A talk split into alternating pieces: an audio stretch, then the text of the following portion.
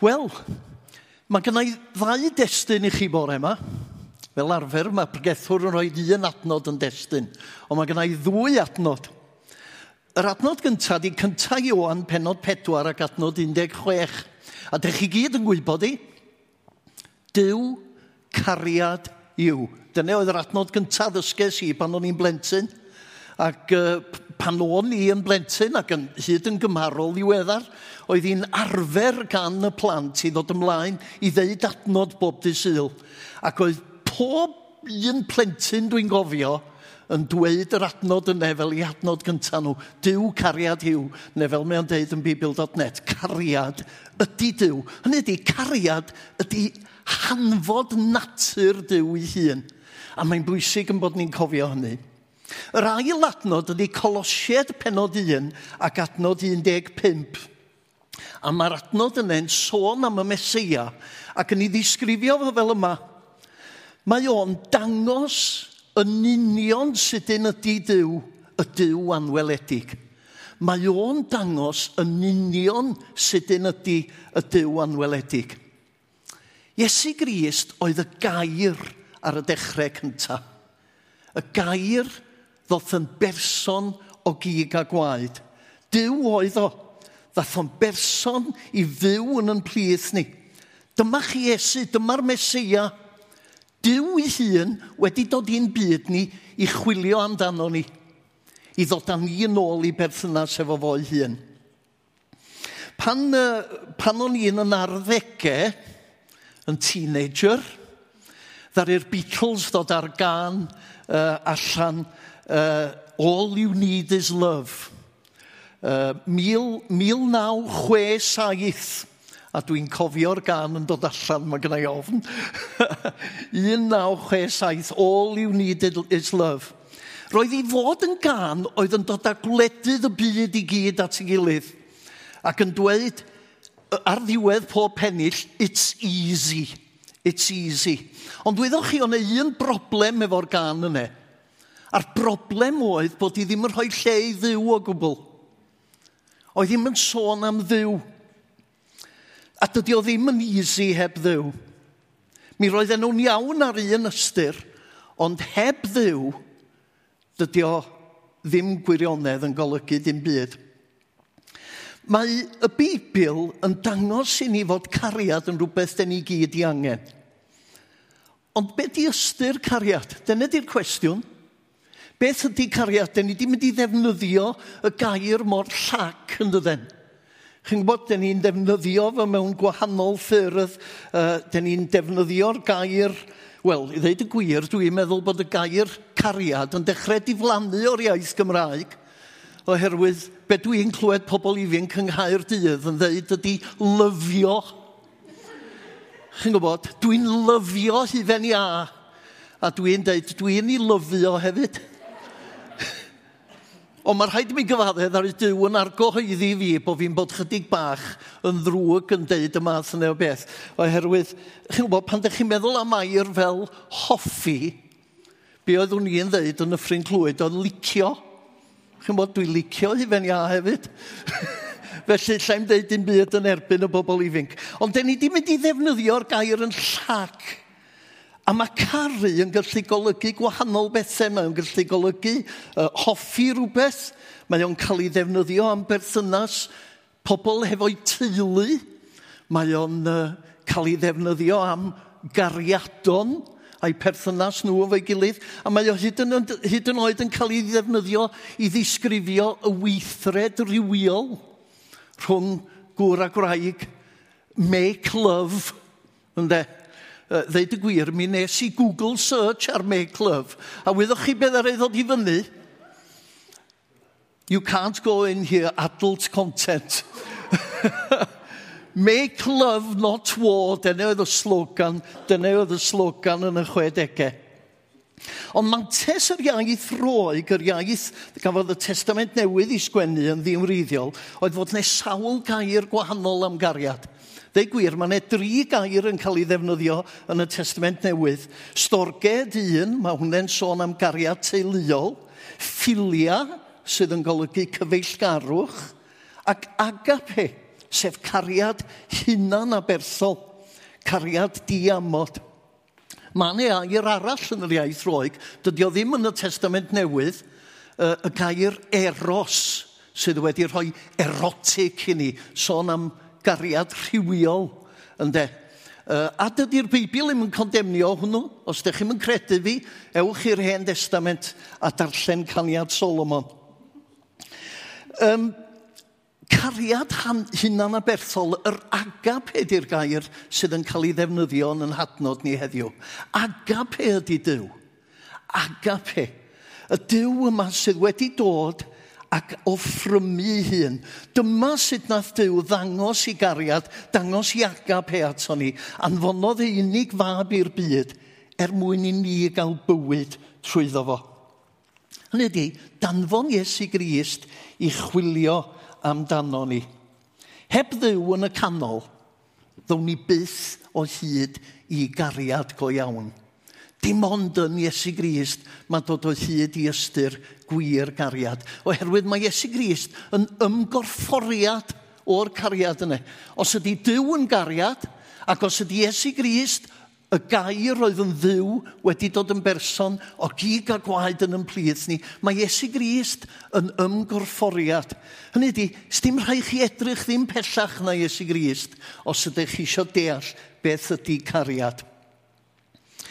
Dwi eisiau gwneud tri pwynt. Peth cyntaf ydy, mae Iesu Grist ydy y Mesia. Y Mesia ydy'r brenin da. Dyna'r pwynt cyntaf dwi eisiau gwneud.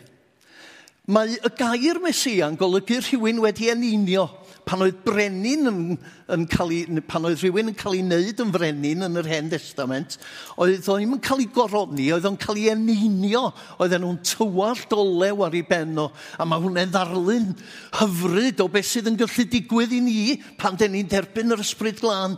Mae'r ysbryd glân yn cael ei dywallt fel olew ar yn pennau ni. Ond dyna beth ydy ystyr Mesia. A'r gair groeg sydd yn cael ei ddefnyddio ydy Christos. Dyna ydy'r Crist.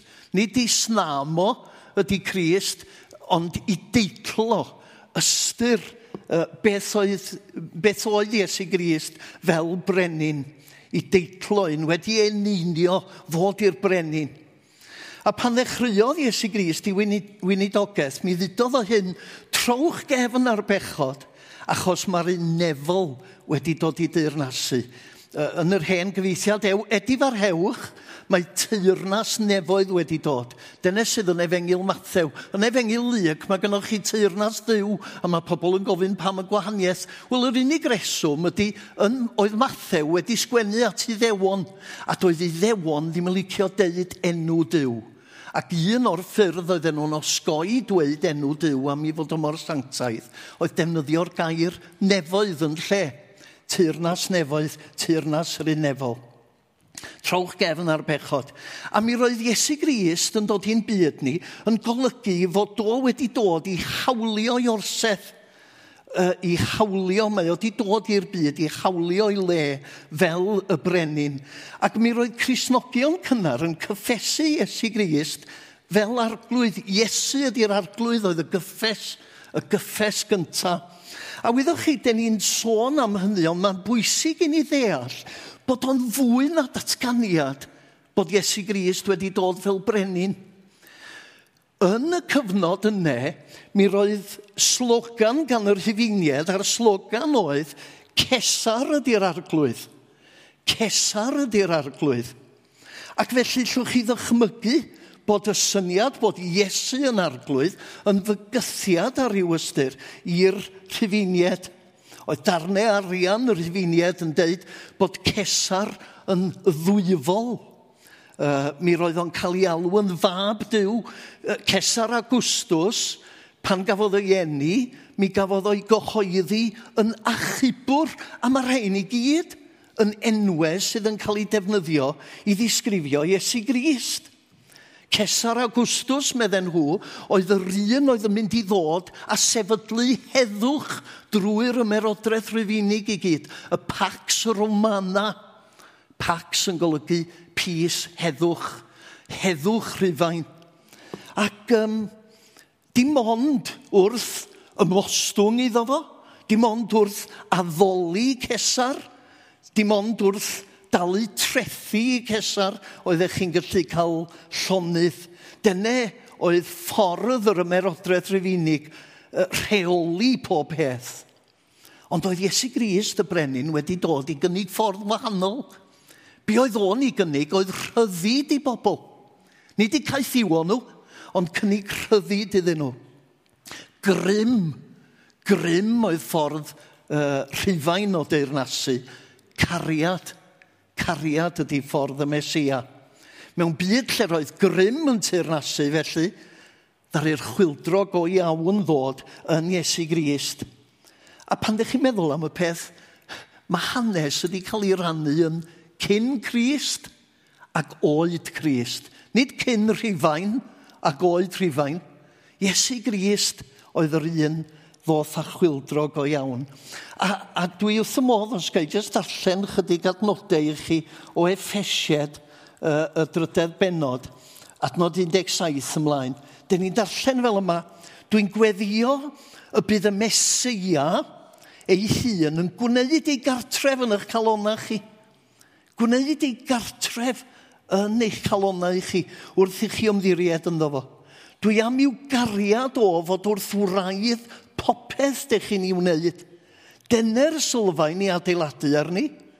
Dwi am i chi a phobl ddiw i gyd ddeall mor aruthrol fawr ydy cariad y Mesio.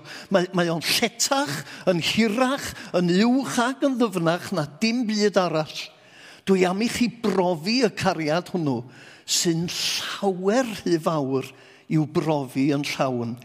Er mwyn i chi Randwch, er mwyn i chi gael eich llenwi a'r cwbl sydd gan ddiw ar eich cyferchu. Y mesiad i'r brenin da gwahanol i ymerodraeth rhyfen. Yr ail bwynt ydy mae'r mesiad i'r brenin gafodd ei groes oelio. Mae yna lawer o grisnogion a phobl eraill, falle rhywun yma, gwisgo croes fel mwclis neu fel cadwyn am ei gyddfen does. Neu gwisgo fel clust lysech, chi'n gwybod? Uh, dwi yn tynnu coes y mab, uh, mae o yn gwisgo cli, clistlws efo croes, dydy o'm yn deud bod o'n credu ar hyn o bryd, uh, o etsetic. dyna, dyna, dyna pan mae o'n, dyna pan mae o'n i wisgo fo. Uh, ond, chi'n bod, mae beth od yn dydi un o'r ffyrdd mwyaf creulon gafodd i ddyfisio'r oed, rioed, i ddienyddio pobl oedd y groes. Mae o'r fath a rhoi um, chi'n bod giletin i hongian am eich gwddw um, neu, neu groc bren neu rhywbeth felly. Pam mae'r groes ydy dod yn logo y ffydd grisnogol? Wel, yn syml am fod y groes yn dangos cariad dyw i ni. Oherwydd bod Cresnogion yn credu mae dyma lle mae cariad Dyw i weld. Mae Dyw wedi caru'r byd gymaint nes iddo roi unig fab er mwyn i bwy bynnag sy'n credu yno beidio am mynd i ddistryw, ond cael bywyd tragwyddol. Chi'n bod ar Iesu Gris dim dod i wneud ni'n grefyddol. Nid dyna oedd pwrpas Iesu Gris yn dod i'n byd. Dar Iesu Gris ddod i olchi traed pobl, i achau pobl, i wasanaethu pobl, i aberthu hun dros pobl.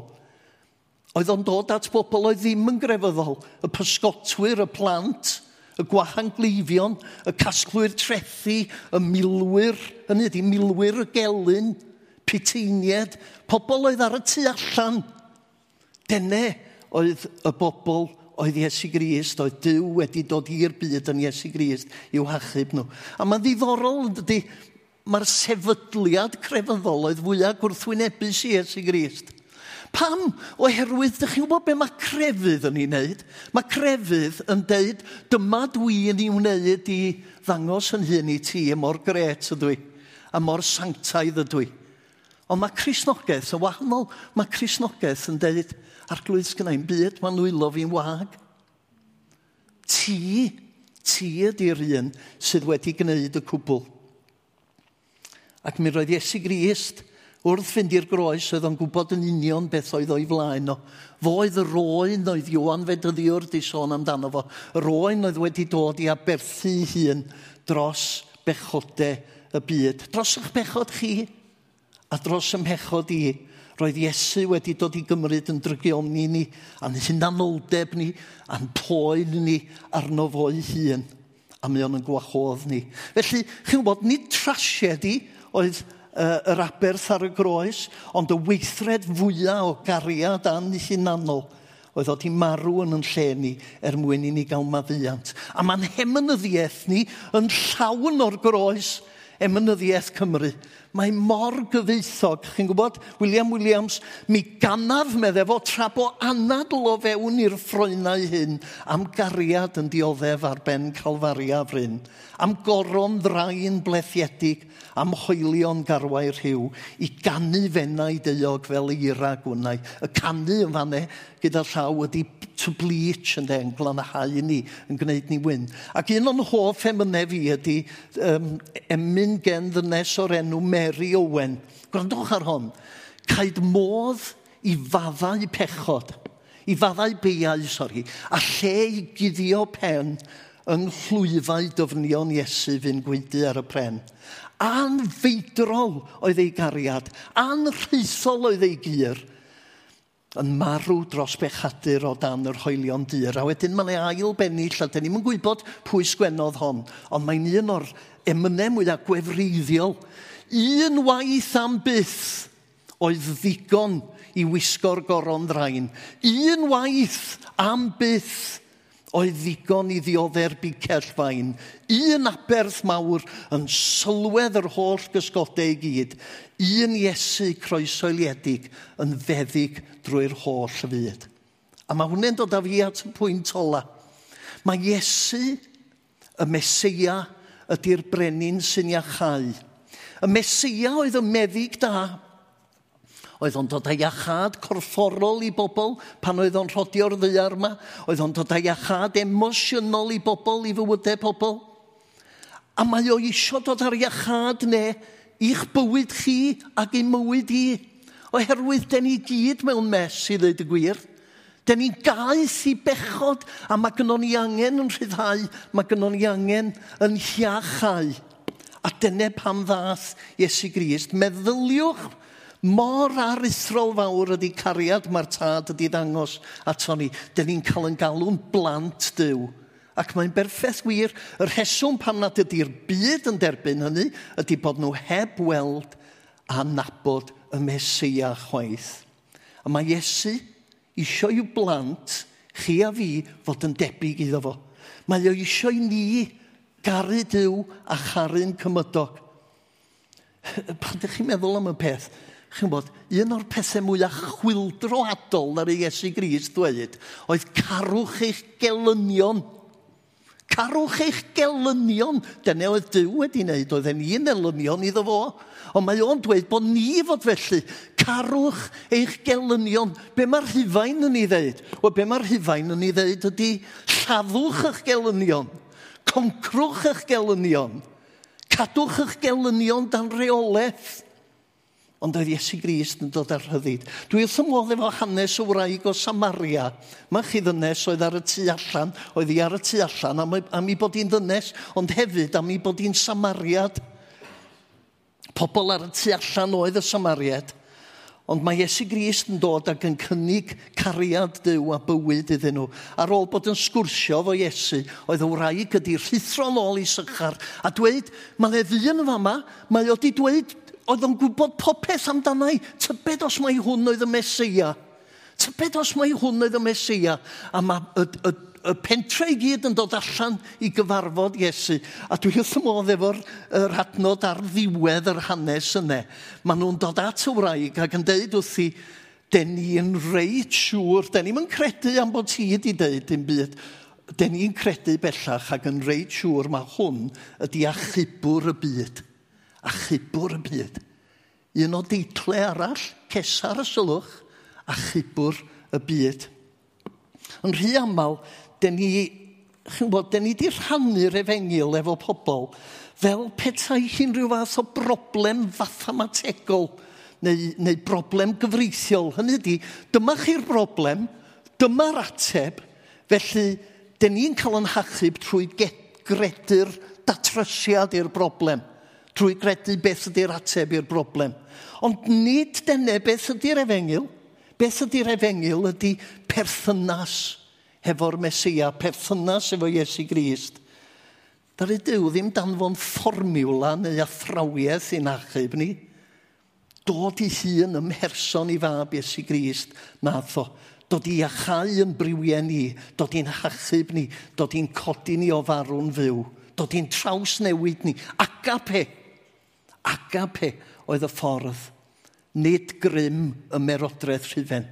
Cariad hynna'n aberthol. berthol Chi'n gwybod, mewn byd, a dyn ni'n byw mewn byd felly heddiw, lle mae um, ymerawdwyr llywodraethau, uh, meistri yn cam ddefnyddio grym ac yn, a, a, ac yn gorthrymu pobl dlawd. Mae Iesu Grist yn dod ac yn cynnig ffordd wahanol. Nid tyfiant economaidd sydd yn mynd i'n hachub ni, Nid llwyddiant economaidd Pryden a Chymru ar draul rhan eraill o'r byd sydd yn mynd i'n achub ni, ond cariad a cheilion ni. Ond mae rhaid i mi ddeud hyn i gloi. Nid aberth oedd y diwedd. Nid aberth Iesu Grist oedd diwedd y stori. Ar fore syl y pasg, be ddigwyddodd? Mi gododd o'n ôl yn fyw. A wyddoch chi, Mae hon wedi cael ei disgrifio fel y foment pwysica mewn hanes. Mi fedrech chi ddadle na i farwolaeth o'r y groes oedd hynny, ond y cyfuniad o'r ddau wrach. Yr atgyfodiad ac atgyfodiad corfforol oedd o. A mae'r ffaith bod Iesu Grist wedi atgyfodi'n gorfforol yn dangos i ni bod Dyw, bod o'n poeni am y byd materol ma oedd oedd i greu, y byd oedd oedd i dweud amdano fo, oedd oedd i edrych arno fo a dweud i fod o'n dda. Mi roedd Dyw, mi, mi roedd y byd yma yn, yn bwysig ac mae'r byd yma yn bwysig yng ngolwg Dyw. Y byd nath o'i greu. Dyna ni'n darllen yn Genesis uh, gymaint oedd o wrth i fodd hefo'r hyn oedd o wedi greu. A dydy Dyw ddim wedi rhoi fyny ar ei fyd. Atgyfodiad Iesu ydy dechrau y broses o iachau y greadigaeth.